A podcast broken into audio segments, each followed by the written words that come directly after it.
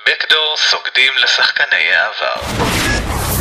צהריים טובים, מתן נאור, אחד הסמלים הכי גדולים של אה, הפועל תל אביב. שלום, שלום. מה שלומך בימים אלו?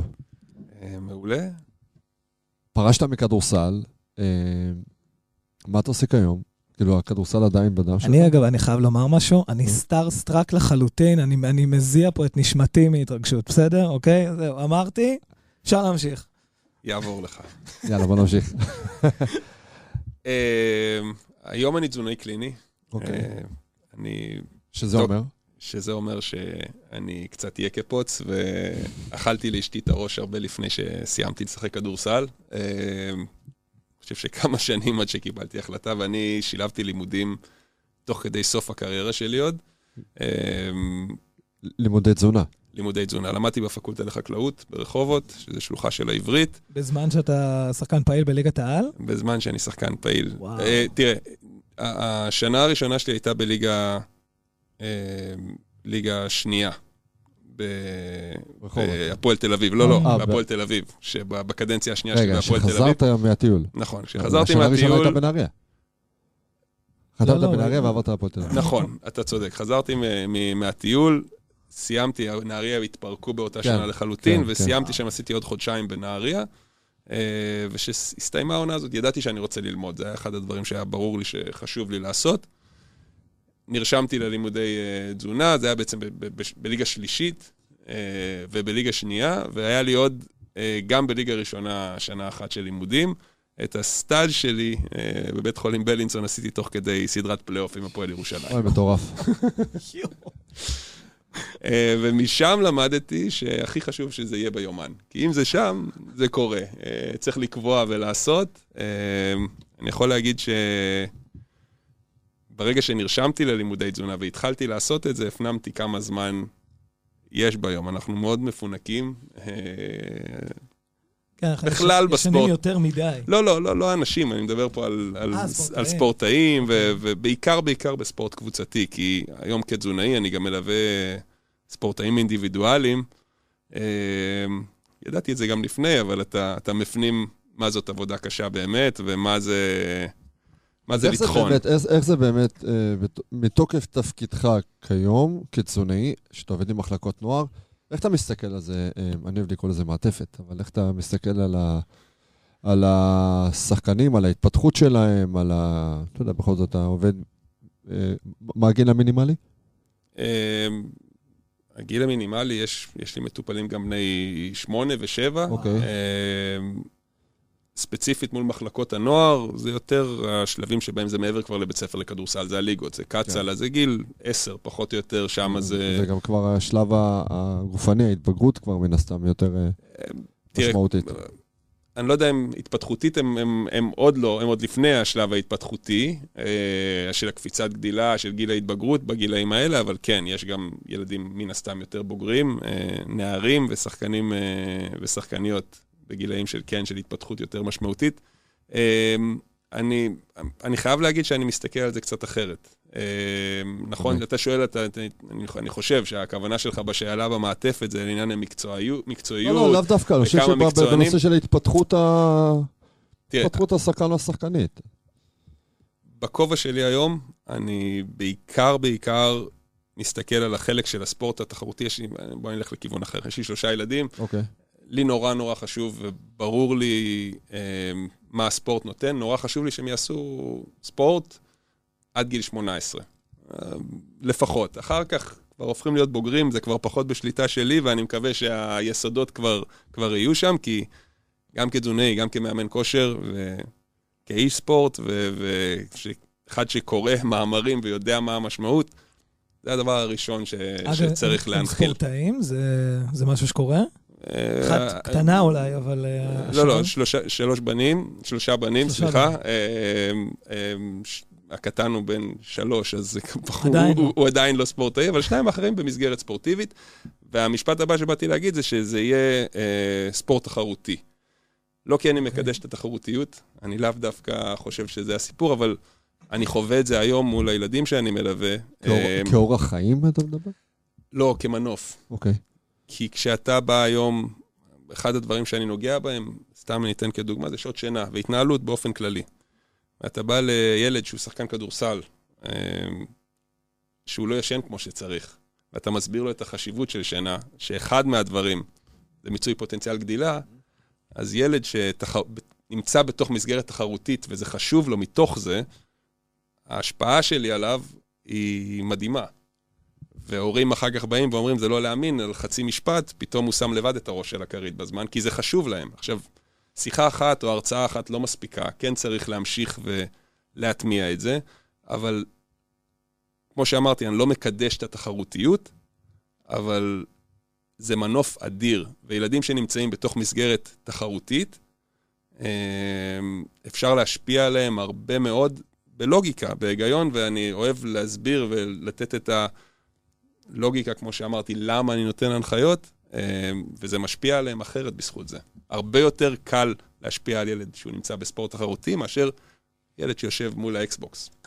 יותר קל להשפיע כי, כי הוא כאילו, כי הוא ספורטאי? יותר קל להשפיע עליו ספורטיבית או בכלל בחיים?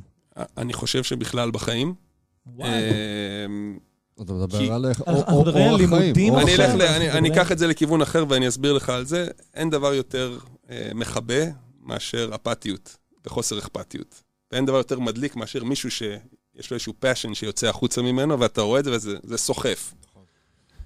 כשיש לילד כזה משהו שאכפת לו ממנו, זה המנוף. עכשיו, אם אני אמצא ילד שהוא נגן, והוא עם איזשהו passion ענק לזה, והוא ממש רוצה את זה, אני אוכל להשפיע גם על הילד הזה, אם אני אמצא את הדברים שמשפיעים עליו על מה שחשוב לו. עם כל הכבוד לאקסבוקס, אה, ויש. קשה, ויש כבוד, כן, אה, או לפלייסטיישן, שלא נעשה פרסומת לאחד מהם, או לנינטדו, מה עוד יש? אה, אתרי. אתרי, כן. היה לי אתרי. אה, עם כל הכבוד לאלה, אה, אני לא חושב שהמנופי אה, לחץ או השפעה שיש לנו לה- להיעזר בהם, יובילו לדברים חיוביים. ופה כל passion שאתה תוכל למצוא הוא מעולה. פה יש בונוס נוסף, וזה הפעילות הגופנית, ואני רוצה להנחיל מבחינתי לילדים שלי, או למטופלים שלי, או לילדים שאני מלווה, את הרצון ואת היכולת אה, להניע גם את עצמם. וזה חלק מהיסודות שאני חושב ש, שנורא נורא חשובים לחברה ולבריאות בכלל. של חברה בכלל, ולכן אגודות הנוער הן כל כך חשובות. וכשאתה שאלת אותי מקודם על השאלה על מעטפת ודברים, אני חושב שבמציאות שלנו, וזה הולך להרבה דברים, הרבה פעמים אנחנו מפספסים את השאלה הראשונה והעיקרית, שכשאני לפחות פועל, אני משתדל לשאול אותה, זה מה המטרה. אה, ומבחינתי, אם אני מסתכל על מחלקות הנוער, המטרה היא לייצר ערכים לספורט ולאורח חיים בריא, והאמצעי זה התחרותיות בסופו של דבר, אין מה לעשות, היא, היא, מניעה, היא מניעה בסוף. כן. פיתחת אפליקציה אה, בשנה האחרונה, שנתיים האחרונות, תקופת הקורונה? אה, אני מלווה מחלקות נוער זאת השנה השישית, אוקיי. אה, על בסיס הידע שצברתי והצורך, באמת פיתחתי אפליקציה אה, שתומכת בליווי הזה, אני עושה את הליווי גם מרחוק לגמרי וגם אה, בשילוב של לפעמים שיחות זום, תלוי, תלוי במה מה סוגרים מולי. אה, אגב, לפני שאתה ממשיך, איך קוראים לאפליקציה? במידה ו... All Around Player. All Around All Player. Around Player, אה, תגובות מצוינות ועם כמה מאות יוזרים כבר ש, שבתוך זה, ואני נותן באמת אה, ייעוץ אה, תזונתי, אבל לא רק, כמו שאמרתי, שעות שינה ובדיקות דם, ומעודד אותם לעשות את האימוני אקסטרה שלהם, כי ברור שבסופו של דבר, שוב, המנוף שלהם זה להצליח ו- ו- ולהפוך להיות משהו, אבל ההגשמה העצמית ו- והערך החינוכי של לעשות לבד, אז, אז גם לעשות לבד ומעודד אותם לאימונים לבד, הפיזיים, או, או ללכת לזרוק, אם זה בכדורסל, או, או לעשות משהו אחר בתחום אחר. ציינת מקודם על אה, נושא שעות, שעות השינה. אם עכשיו אה, אחד ההורים, סלאש אה, ילדים שמאזינים לנו,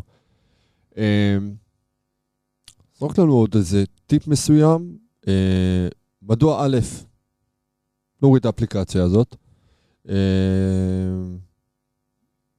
ועוד טיפ מסוים שלך, לנו, כהורים, או ל, ל, לילדים, אה, מדוע זה חשוב, חוץ, חוץ משעות שינה, תזונה נכונה? אה, תסביר, כי אני לא יודע, זה המגרש ביתי שלך, לא שלי. אוקיי, אז, אז קודם כל, אה, אני חושב שכנקודת מוצא, ואני גם חוטא בזה כהורה לפעמים, אה, זה להסביר למה אתה אומר דברים. אמרתי, מה המטרה וגם מה הסיבה שאני אומר משהו. אז כשאתה נאבק במרכאות עם הילד שלך כל יום ללכת לישון קצת מוקדם יותר, אז כהורה אתה מאבד סבלנות לפעמים, ואתה אה. פשוט אומר לו, לך לישון, וזה יכול אפילו לצאת עם עצבים, וזה לגיטימי, אני לא בא אה, אה, אנחנו לא לשפוט.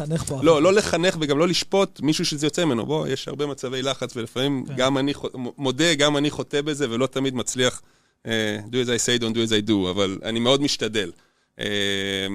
כשאני יושב מול ילדים, אז יש לי כובע אחר כמטפל ומישהו חיצוני, וגם את הסבלנות של זה, לבוא ולהסביר למה. אז, אז נניח נלך לשעות שינה, שעות שינה, אז במיוחד לילדים, לדבר איתם על זה שזה משפיע על מיצוי פוטנציאל הגדילה שלהם, זה משפיע על התפקוד הקוגניטיבי שלהם. אה, יש כאלה שזה חשוב להם על המגרש, אז להסביר להם חדות המחשבה שלכם וקבלת ההחלטות תושפע מזה, ולא רק מה שלנו כהורים הרבה פעמים חשוב, וזה הלימודים.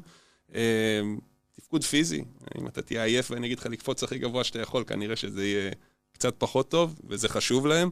אה, ברוח התקופה, המערכת החיסונית מאוד מושפעת מ- משינה, משינה לא איכותית, או, או מתפקדת טוב יותר עם שינה איכותית.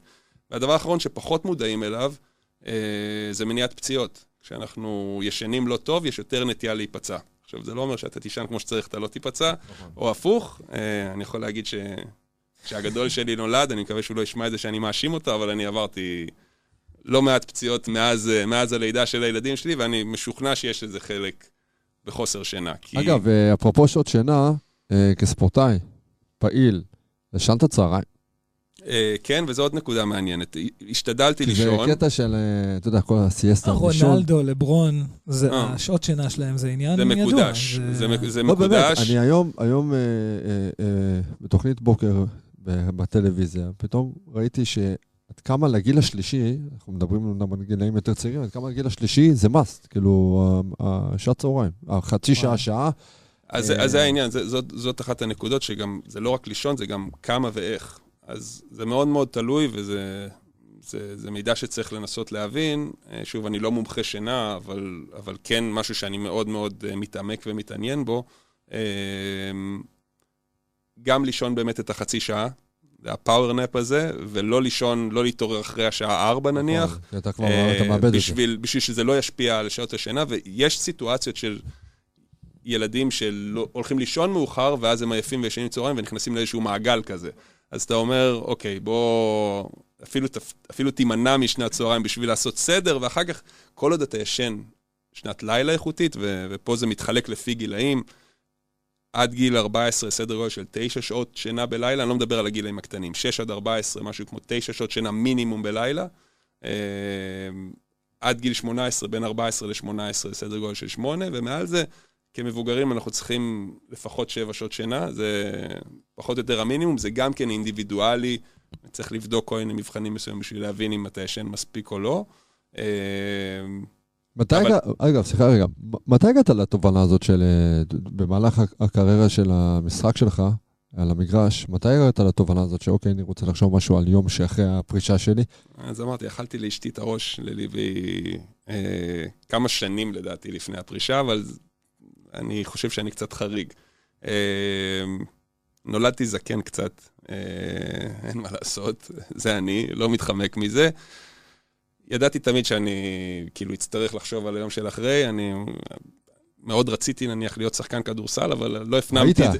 גם לא הפנמתי את זה גם תוך כדי שהייתי גם איזושהי תקופה מסוימת. אה, לקח לי זמן לעכל שזה מה שאני עושה. אה, ואני חושב שהרבה תובנות הגיעו סביב הפציעה שהייתה לי בכתף בירושלים. אוקיי. אה, אם אני אקח איזושהי נקודה שבה פתאום... זה נקודת שבירה שהייתה לך? כאילו, סוג של, אה, אתה מגיע לצומת דרכים, אוקיי, מה, אני אה. ממשיך קדימה בכדורסל, או שאני, לא יודע, צריך לחשוב קדימה. אני לא יודע אם הפנמתי באותו רגע עד כדי כך עמוק, אם אני ממשיך או לא ממשיך. הייתי, הייתי כולי בתוך זה. כלומר, אמרתי על- שלא על הפנמתי. איזה גיל אנחנו מדברים עכשיו?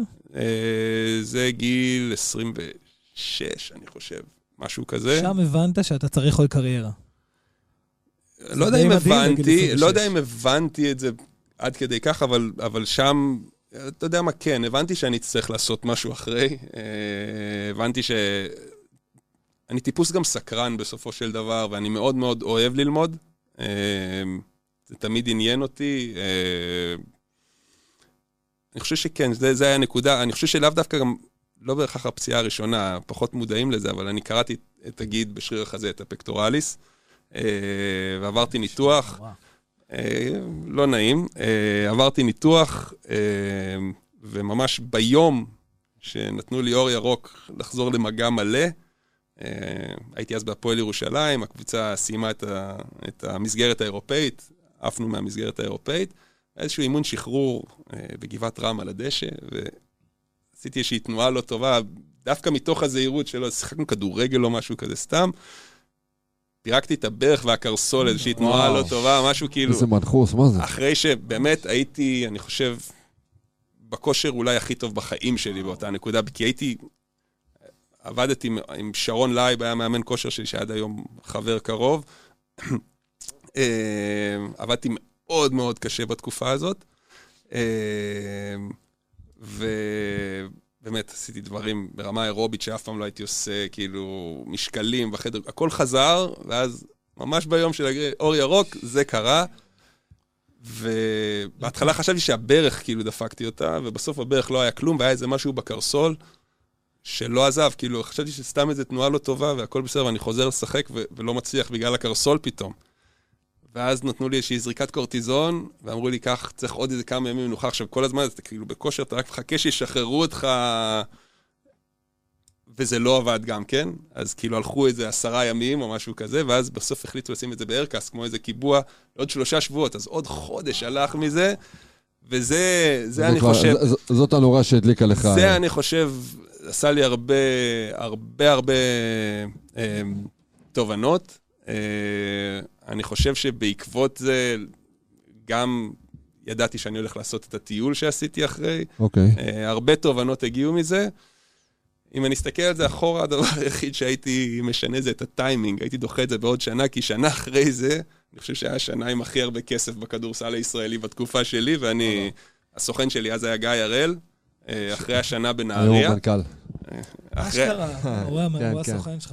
אז, עשיתי עוד שנה בנהריה, אה, שזה לא ששם קיבלתי את כל ההחלטות, אבל במהלך השנה בנהריה כבר היה ברור לי, גם שאני מתחתן אה, עם ליבי, וגם שאנחנו עושים את הטיול הזה אחרי. היה עוד קמפיין של הנבחרת, היינו לאליפות אירופה ונעלמתי. אה, לא מתוך חיפוש, אלא דווקא אנשים חשבו שהתחרפנתי, זה היה בדיוק הפוך, ידעתי זה בדיוק קטע, מה כי אני רוצה. בחמישיות, בערוץ כן, הספורט אה, עשו עליך אה, הטיול של מתן, הטיול של מתן. כן, כן, מתי אתה חוזר, ואיפה אתה... הם אפילו התקשרו אליי לשם, שיגעו אותי, את אימא. שלי, כל מיני כאלה, ואמרתי להם, תעזבו היה אותי בשקט. הפינה, באמת, זה היה פינה בחמישיות. אני זוכר איזה, אני זוכר איזה מקום כזה של אינטרנט, שאני נכנס ואני עושה שיחה עם שוש אלוני בסקייפ, ואומר, תעזבו את אימא שלי, תעזבו אותי, אם הייתי רוצה להגיד, תודה רבה. הכניסו את אימא שלך ללופ הזה. שרצו להכניס אותה ולראיין אותה, והיא פחדה ממני לא לעלות, אז היא לא עשתה את זה, ושיגעו אתה לא יודע. שהפועל תל אביב שרו שיר על מת- אה, של- מתן רוצה של מתן. בטח. אה, איפה היינו? אה, איבדתי את החוט מחשבה. כן, אה, לא, בנהריה בנהריה. עם גיא הראל, ובמהלך העונה הזאת הפנמתי ש... שאני אני עושה את הטיול הזה, ואני זוכר שיחה עם גיא שאני אומר לו, והוא, והוא גם חבר, כלומר אמרתי לו, גיא, ברור לי שיהיו הצעות ושיפנו אליך, אם אני שומע ממך מספר אחד, מספר, איזושהי ספרה במהלך הקיץ הזה, אני לא מדבר איתך יותר, לא רוצה לשמוע. אל תביא לי. ואיזה פעם אחת, מתן אתה בטוח? אמרתי לו, גיא, אמרתי לך, אני שומע ספרה, אני, אני, אני לא מדבר איתך יותר. וניתקתי את הטלפון, והוא הבין את הרמז, ו- וקיבלתי החלטה. קניתי כרטיסים שאין עליהם אופציית ביטול, כאילו...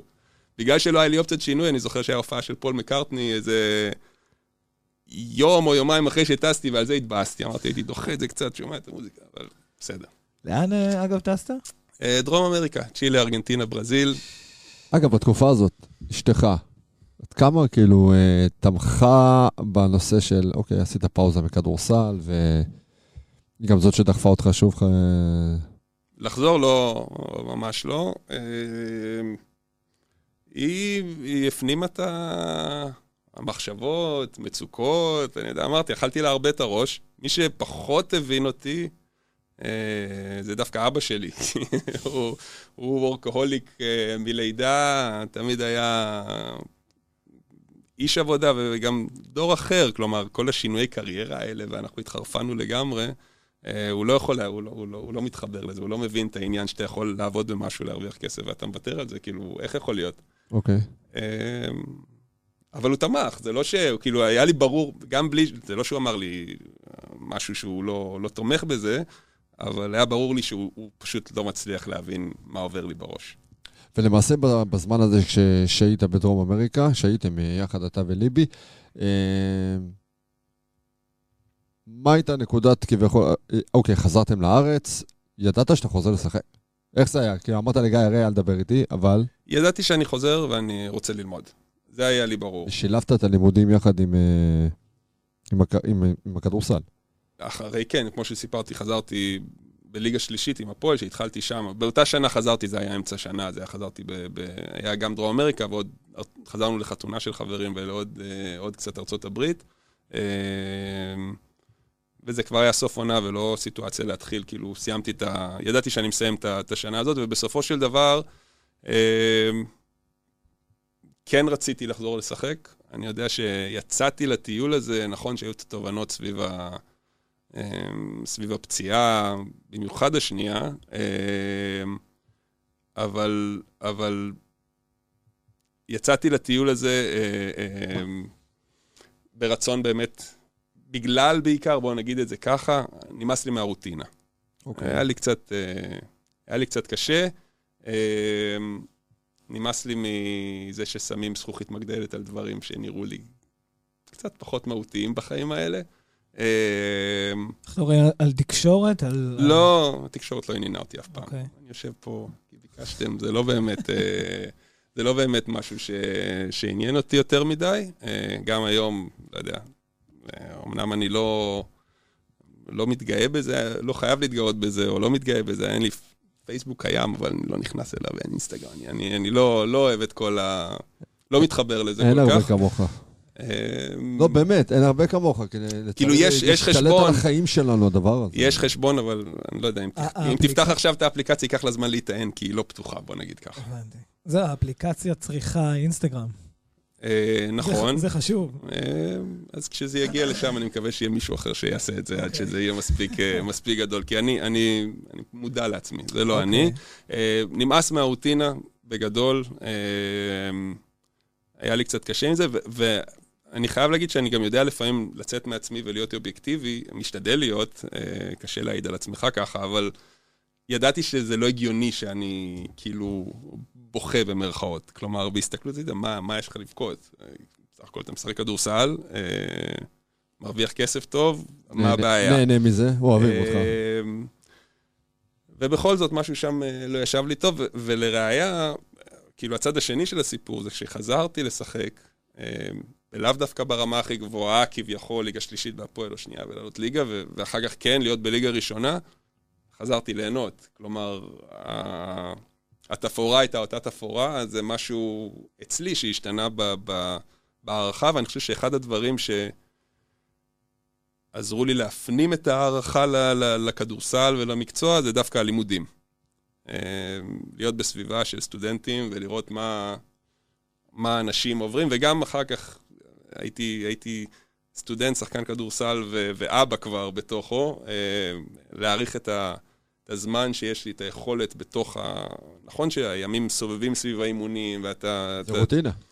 ויש עדיין זמן. אה, וזה משהו שהיום אני מפנים את זה, ושוב, זה לא מפתיע אותי. כלומר, כמות השעות שאני עובד היום היא, היא אחרת לגמרי, וזה בסדר גמור, אני לא, לא בורח מזה ואני נהנה מה- ממה שאני עושה היום. אה, אבל ההערכה שלי למקצוע באה הרבה דווקא מדברים ש... שהם. מחוץ לכדורסל והם אחרים. ואני מאוד מאוד נהניתי מהנקודה הזאת של החזרה, ו... והיה לי כיף עם הכדורסל. אז אפרופו כדורסל, אני רוצה להחזיר אותך קצת אה, גם לרגעים הגדולים. אה, קודם כל, בהפועל תל אביב היית בשתי קדנציות, ב-2002-2004 ו-2009-2017. נכון, אם אני לא טועה? כן, לא טועה. לא שמונה טועה. שנים, הקדנציה כן, זה שמונה שנים. ומאז הוא עבר לנתניה, אבל לא משנה, זה השנים היפות של אה, מתן אה, היו בהפועל תל אביב. זוכר אותך את האמת מספר 4 ברמת גן. הוא לא זכר את זה, ואני אזכור את זה. אה, לא, זוכר. הייתי מספר 4 בגלל. נדב הנפלד. אה, באמת? וואלה. כן, כל החיים, גם ברחובות הייתי אז 4. למה 12? והגעתי להפועל תל אביב, ודרור חג'ג' היה 4. אה... אז לקחתי 12, ולא עניין אותי, האמת, למה זה לא אה, באמת זה- זה זיז לי. שרירותי לגמרי? כן. סתם, זה היה מספר שפנוי ולקחתי. ואז בירושלים גם הייתי 4. נכון. ואז דרור חג'ג' הגיע. והוא היה צריך לקחת מספר אחר, אני לא זוכר מה הוא לקח, אולי 8, או לא זוכר מה זה. איך דרור חרטש בחיים האמיתיים? סתם, סתם, בוא... אה, חאג'י, אחד, אני, אני מת על חאג'י. אה, עדיין בקשר איתו. אה, בחור מיוחד. מאוד, הוא גם, הוא לא. הוא לא, לא שגרתי. אני רוצה לקחת אותך ל... לא עצור רגע. אה, רגע אחד, שאם אפשר עכשיו, אתה חוזר אליו, לתקופת אה, הקריירה שלך, לא יודע איפה תבחר אתה, אבל רגע אחד שבאמת אתה, אתה רוצה לחוש שוב את אותה תחושה, את אותה תשוקה, משחק, עונה, אה, מאמן, שחקן. אמ, הקבוצה הכי טובה ששיחקתי בה הייתה, מבחינתי, הקבוצה עם הפועל תל אביב אה, בשנה עם ארז. 2004. ב-2004. 25 הפרש, 25. ו-12, יו- ו-5. ודינמו מוסקבה יום... יומיים יומיים. יום שישי. היה דינמו מוסקבה, יום ראשון 20. היה דרבי. אה, האמת שהזמנתי את ה- הרופא שיניים שלי עם הבן שלו למשחק הזה, ועד היום, אני אספר לך תכף, משהו תסיים. ועד היום, אה, כל פעם שיוצא לי איכשהו, כבר לא הרופא שיניים שלי, כל פעם שאני רואה אותו, הוא נזכר הוא אומר, זה היה אחד הימים הכי... באמת, שחור הכניס שם לאולם כמות אנשים ש- לא מטורפת. נורמלי, לא היה היה נורמלי. את היציע של אתה מדבר על העיתונאים. דינמו או על על? דינמו, על דינמו. הדרבי יום שישי. הדרבי, יש אה, משטרה ויש אז אני אה, תכף אספר לך אנקדוטה עניינים מהצד שלי וסיפורים. על הדרבי. וסיפורים, ולא מכניס, יותר, יותר מקפידים על, על, על מי נכנס וכמה נכנס. אה, דינמו לא היה משחק טעון, אז עבר, עברו יותר דברים. מתחת. צביקה שר צביקה ודייוויד שר. בלו. בלו נכון. טנטל אז בלוטנטל היה שם, אני לא בטוח. בדינמו, אם אני לא טועה. אני, חושב שאתה טועה. אוקיי, אוקיי. נראה לי שאתה טועה. אני- זוכר את החבר'ה של הפועל פשוט. אה, אבל היה את היציע של העיתונאים ואת המסדרון מתחת ליציע של העיתונאים. כן. אני לא אשכח שהיו אנשים, היציע נכנס מאחורי היציע של המשוגעים כביכול. ויש שם כמו בטונדה כזאת, והיו אנשים שהציצו, אני עושה את התנועה, לא רואים את זה כן, בסאונד, אבל אם עושים מתח על על החתיכת בטון הזאת בשביל לראות את המשחק, היה. מפוצץ. אני חושב שזה היה אולם, זה היה משחק שהוא היה, אוסישקין היה הכי מלא אי פעם. זה היה אחת החוויות באמת המיוחדות. ניצחנו את דינמו אז, שלהם היה יתרון באיטיות. ניצחנו לפני זה במוסקבה ואחד בבית. אמ, עוד נקודה יומיים משמעותית. לאחר מכן דרבי. שזה 25 הפרש, שזה הדרבי הכי גדול של הפועל תל אביב. היה לנו עוד דרבי באותה שנה שהיה לא פחות חשוב, והיה אז, היה אז אה, פלייאוף עליון. אוקיי. אה, והיה לנו עוד דרבי שהוא זה שהעלה אותנו לגמר, שלא הייתה חוויה גדולה אז נגד מכבי, אבל, אה, אבל היה, היה עוד דרבי חשוב שניצחנו באותה שנה. 80-75. כן. אה? אתה יודע, אני אספר לך משהו, אה, עמוס תמם. עמוס תמם היה החבר הכי טוב שלי בשנה הזאת, מה אתה אומר? ואמרתי לו, עמוס, בוא, אנחנו הולכים למשחק. הוא אומר לי, איך, מה, בוא, בוא, אל תשאל שאלות. יצאנו מהדירה של עמוס, אספתי אותו, כי היינו צריכים להגיע שלוש שעות לפני. ואז אסי ישראלוב פוגש אותנו, הוא אומר, ניב, תקשיב. היום הפועל הולכים לעשות משהו שלא היה אף פעם. לו, מאיפה הבאת את זה עכשיו?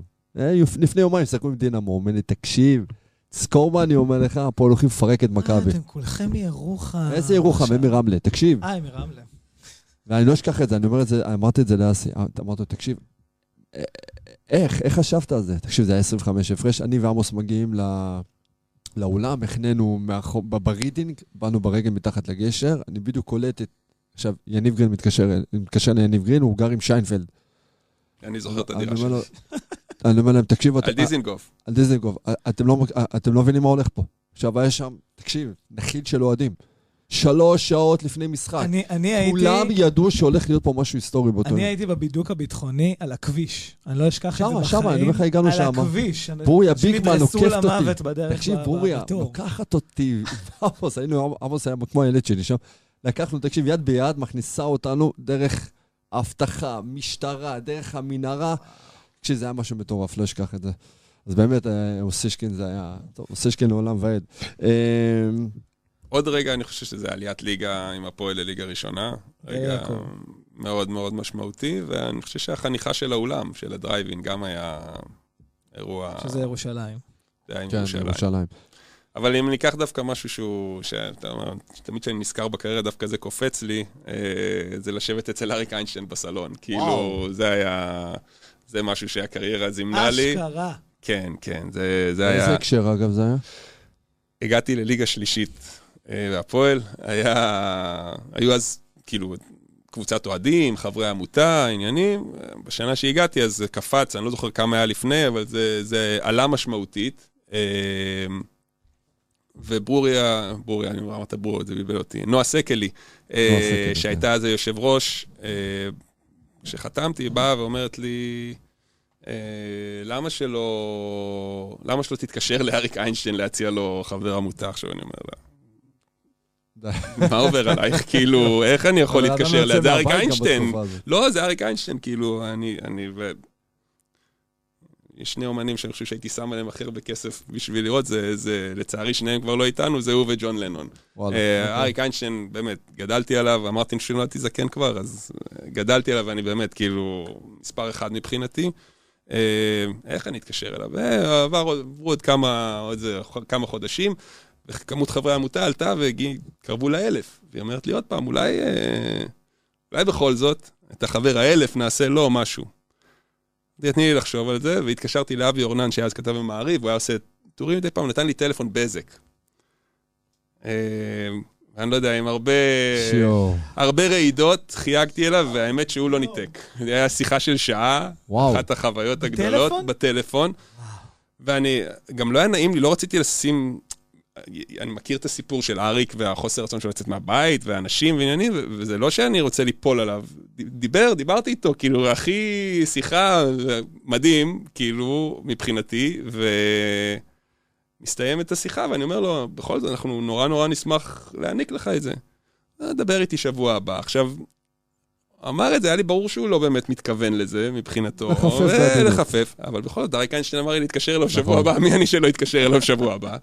אז התקשרתי אליו שבוע הבא, והייתי מאוד מופתע, הוא אמר, יאללה, בואו. די. כן, ואני כאילו הייתי בשוק מה זה טוטאלי. ברור, עם מי היית? אז אה, אה, גלעד שמחוני הצטרף, שהוא היה אז הקפטן, ואורי שלף, זיכרונו לברכה, אה, הצטרף, ואני זוכר שאחרי השיחה הזאת היו עוד כמה, איך לא קראת לי, וכל מיני יואו. כאלה, ובצדק, אבל אי אפשר יותר מדי. באמת, כל כך כיבדנו אותו, אני- קודם כל אני זוכר את הסיטואציה שהוא גר ב... גרתי אז בז'אן ז'ורס, וזה היה ממש לידי, הלכתי ברגל, חובבי ציון, או משהו כן, כזה, כן, 70 כן, אם אני כן, לא כן, טועה. כן. בית בלי מעלית, אמרתי, אולי בגלל זה הוא לא יצא מהבית. אה, אני זוכר שאני עולה במדרגות והיה איזה תאורה כזאת, חלון מאחוריו, אז שהוא פתח, השיער הלבן, זה נראה כמו, כמו מלאך שאני כזה אומר, ואז הוא בוחן אותי בגובה, הוא עושה, מה הגובה שלך? 6'5, 6'6, ואני ישר נזכר בכבלים, כאילו, בסרט, במערכון שלו, ואני מת- מת להתפוצץ מצחוק על זה שהוא אומר לי את זה בכלל. ענק. ונכנסים פנימה, וגם ישבנו אצלו, אני יודע, שעתיים פלוס, אה, שיחות על ספורט, על כל מיני אירועים, על התאונה שהייתה לו המפורסמת, כל מיני דברים. וואו, אני יושב שם ואני כולי מחייך. לא עשינו תמונה אחת שם.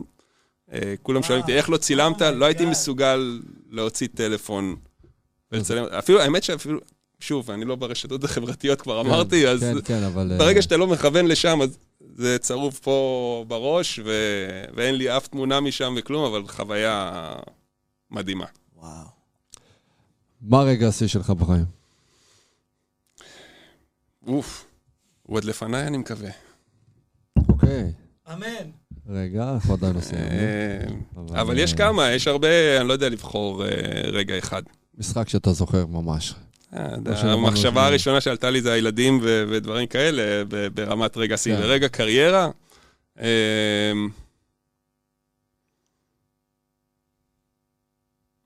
אני חושב שהמשחק נגד דינמו ברמת כדורסל היה אחת החוויות הכי, הכי כיפיות שלי בכדורסל נטו, גם, גם בגלל חוסר, אה, זה שזה לא היה טעון, וכל כך הרבה אנשים, וזה היה יום שישי אחרי צהריים, אז אם כבר מדברים כדורסל וככה, זה, אני חושב שזה ממש בזבוז שאין משחק במחזור בשישי אחרי צהריים.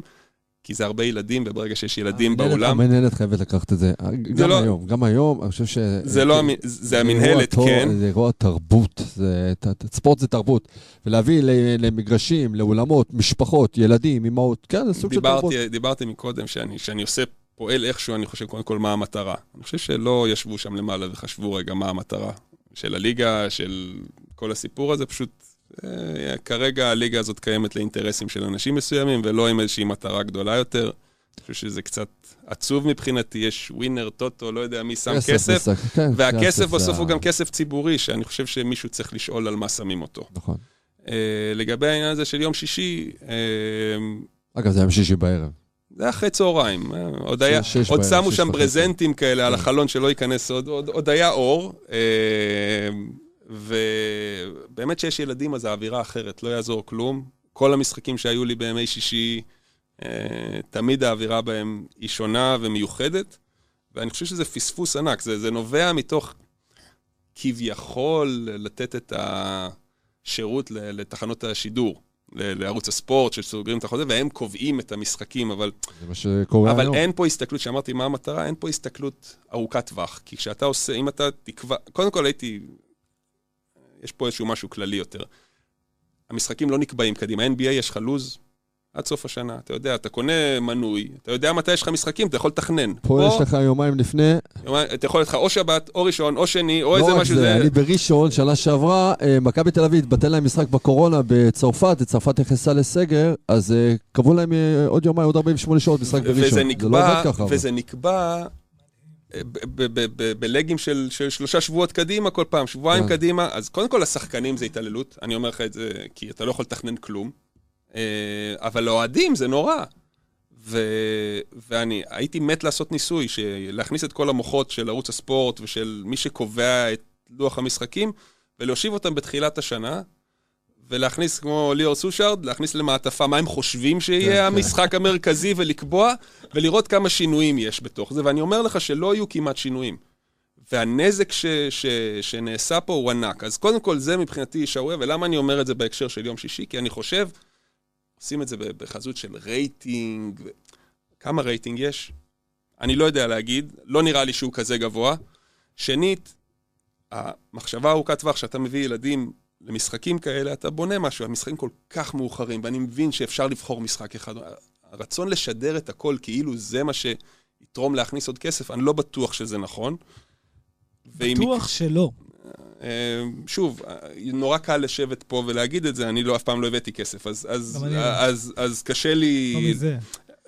לא גייסתי כסף, הכוונה לתוך זה, אז קשה לי לבוא ולהגיד, אני יכול להגיד רק את ההשערות שלי, לכן אני נזהר באיך שאני מדבר, אבל הסיפור הזה של יום שישי, מבחינתי, משחק במחזור צריך להיות ביום שישי, ושכל קבוצה תארח לפחות משחק אחד בבית. זה לבנות קהילה, קהל וקהילה לעתיד. ולתת משהו, וזה הולך לאיבוד. ועזוב את... זה כבר סיפור אחר לגמרי, עם כמות הזרים שיש והכל, הכדורסל יהפוך לכדוריד. אין לי צל של ספק בזה אם לא יהיה שינוי. אמ, אמרתי את זה לפני אחד המאבקים של ארגון השחקנים בעבר, כשהיה כמה שנים של, של ארבעה זרים, ואני משוכנע בזה גם עכשיו. Uh, עוד כמה שנים כאלה, והכדורסל ילך יותר ויותר לכיוון של הכדוריד. אוי ואבוי. לא, הוא, הוא צודק במאה אחוז, כי אנחנו רואים מה קורה גם במשחקים שהם מתקיימים בימי שישי, ותראה את כמות הקהל שמגיעה לעומת אה, משחקים ביום חול, בשעות של יום חול, שזה די מאוחר. השחקן הכי גדול ששיחקת איתו? לצידו. ראשון שקופץ לי, אדריאן יותר. אני חולה עליו. וואלה, אוקיי. אני חולה עליו. אמ, והוא לאו דווקא הכי טוב מבחינת skills, אבל בחבילה ומה שהוא מביא, באישיות שלו והכל, היה חוויה. השחקן הכי גדול ששמרת עליו? לואל דנג? נראה לי שזה... אה, אה איך אני עשיתי עבודה טובה? בנבחרת נגד בריטניה, נכון. תקשיב טוב, אני לא צריך כך. כשמתן לי יוצא החוצה, תיכרוס במשחק. אני אומר, קבלו את שר ההגנה. ואז אתה מסתכל על הסטטיסטיקה של לואל דנג, הסטטיסטיקה, לא- כמה? גור ש... 40 נקודות. 32, משהו כזה. 34 אני-. זוכר שכל המשחק, גור שלף אומר, מה אתה קורא לו שר ההגנה? לו 34 נקודות. אמרתי נכון, והוא- סגר להיות והוא 70. סגר זה- לו... זה לא- זה 70. לא רק זה, כל המשחק, כאילו כל טיימאוט, כל הכבוד, ואנשים בטירוף עליי, באמת הייתי בתוך הקישקע שלו עד הסוף, כאילו אין, אין יותר ממה שעשיתי, והוא גם איבד איזה, עשה עלי שני פאולים תוקפים שם, שהצלחתי להוציא ממנו, ו- ואיבד הרבה כדורים, ובאמת עשיתי עבודה טובה, אתה מתיישב בחדר הלבשה, ועדיין אומרים לך כל הכבוד, ואז אתה מסתכל על הדף סטטיסטיקה, אני אומר, fuck, עצרתי אותו על 32 כן. נקודות, כאילו, זה ככה. הוא היה שחקן שיקגו באותו זמן, שיקגו בולס, ובאמת, הוא באמת, היה, אבל באמת, וואו, הוא היה אני- אחד אני- ב-NBA. יש לי פלאשים מהמשחק הזה, כלומר, אני באמת עצרתי, הוא נעצר ונתקע, ופשוט קלע מעליי בסיטואציות זריקות שאין אין, אין מה לעשות מול זה, אה, אבל זה, ובא אחריו, אני חושב, אנטוני פארקר. אה, גם וואו, לא פשוט. אתה אחד משלושת הזרים הכי גדולים ש... דונטה סמית. דונטה סמית. היה לא פשוט. אה, אני מקווה שגם אני עשיתי להם קצת לא פשוט. עשית, לא, עשית, אה, אני בטוח שעשית הרבה כאב ראש. אה, בוא נעשה משחק אסוציאציות. אוקיי. ארז אדלשטיין? אסוציאציה זה צריך להיות מהיר, אז כן, אסור לי מילה לחשוב. ארז אדלשטיין, ג'ינג'י, למה קפץ לראש? בכל מובן המילה. בכל מובן המילה. יש, אני אספר אה, שצביקה חפץ, כן. אה, שהיה אה, יד נציג- נציג- נציג זה הפך הבעלים. להיות שגריר ישראל בלונדון. ואז, וארז הגיע במהלך השנה, והוא סיפר שם סיפור שהוא לא מתעסק עם ג'ינג'ים ועם קרחים. עם ג'ינג'ים אני לא מתעסק, כי הם ג'ינג'ים, ואתה יודע, אופי הג'ינג'י, ואז... למה קרחים? כי אולי הם היו פעם ג'ינג'ים. אז... אה, מכבי רמת גן. אה, אריק שיבק. הפועל ירושלים. פציעה? יולב? לא, לא יולב. אה, לא, אני לא הייתי ביולב.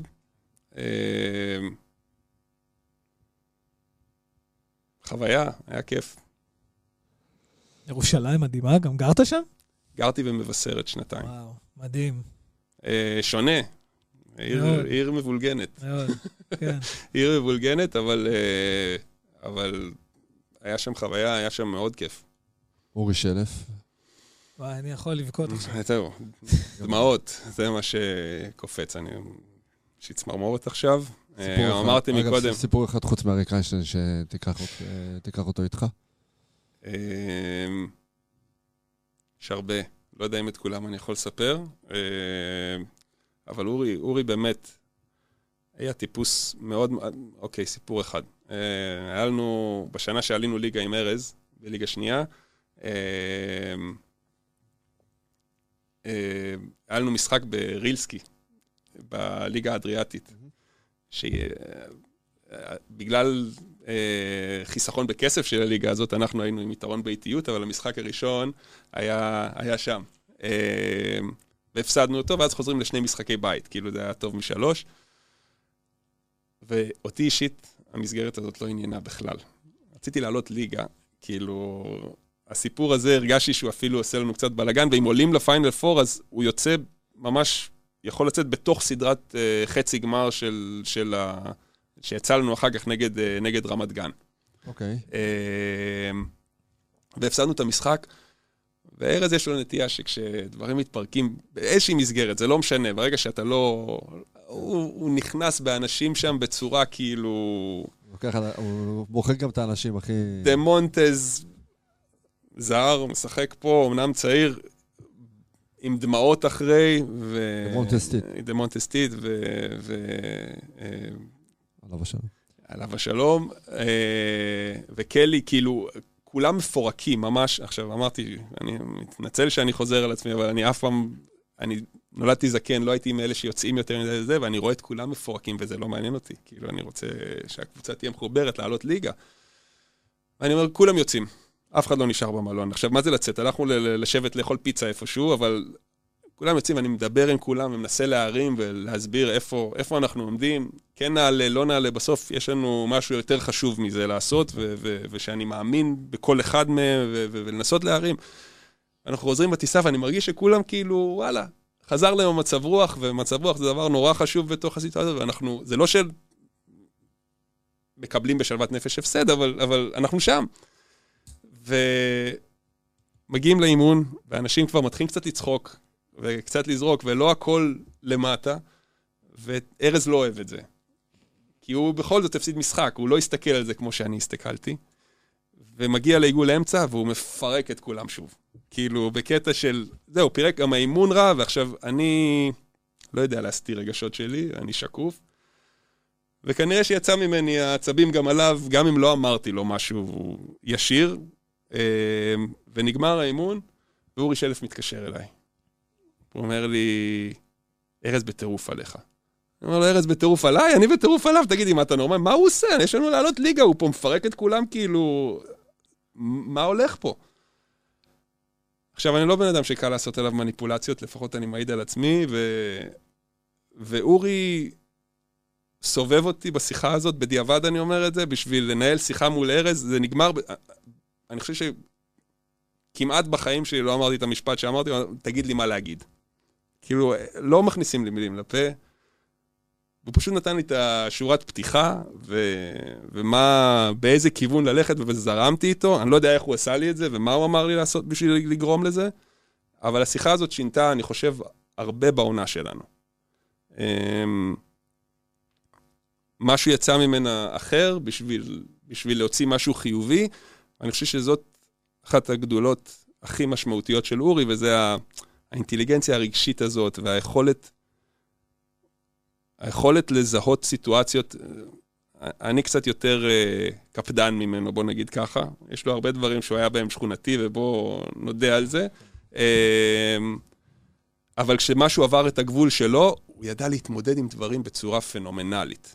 באמת, לא פחות. Uh, אני הייתי שם את הגבול הרבה פעמים לפניו, וזה מה ש... אלה דברים שהיו מעצבנים אותי, ואני יודע להיות מאוד מאוס בקטעים האלה, כי אני גם דורש מעצמי.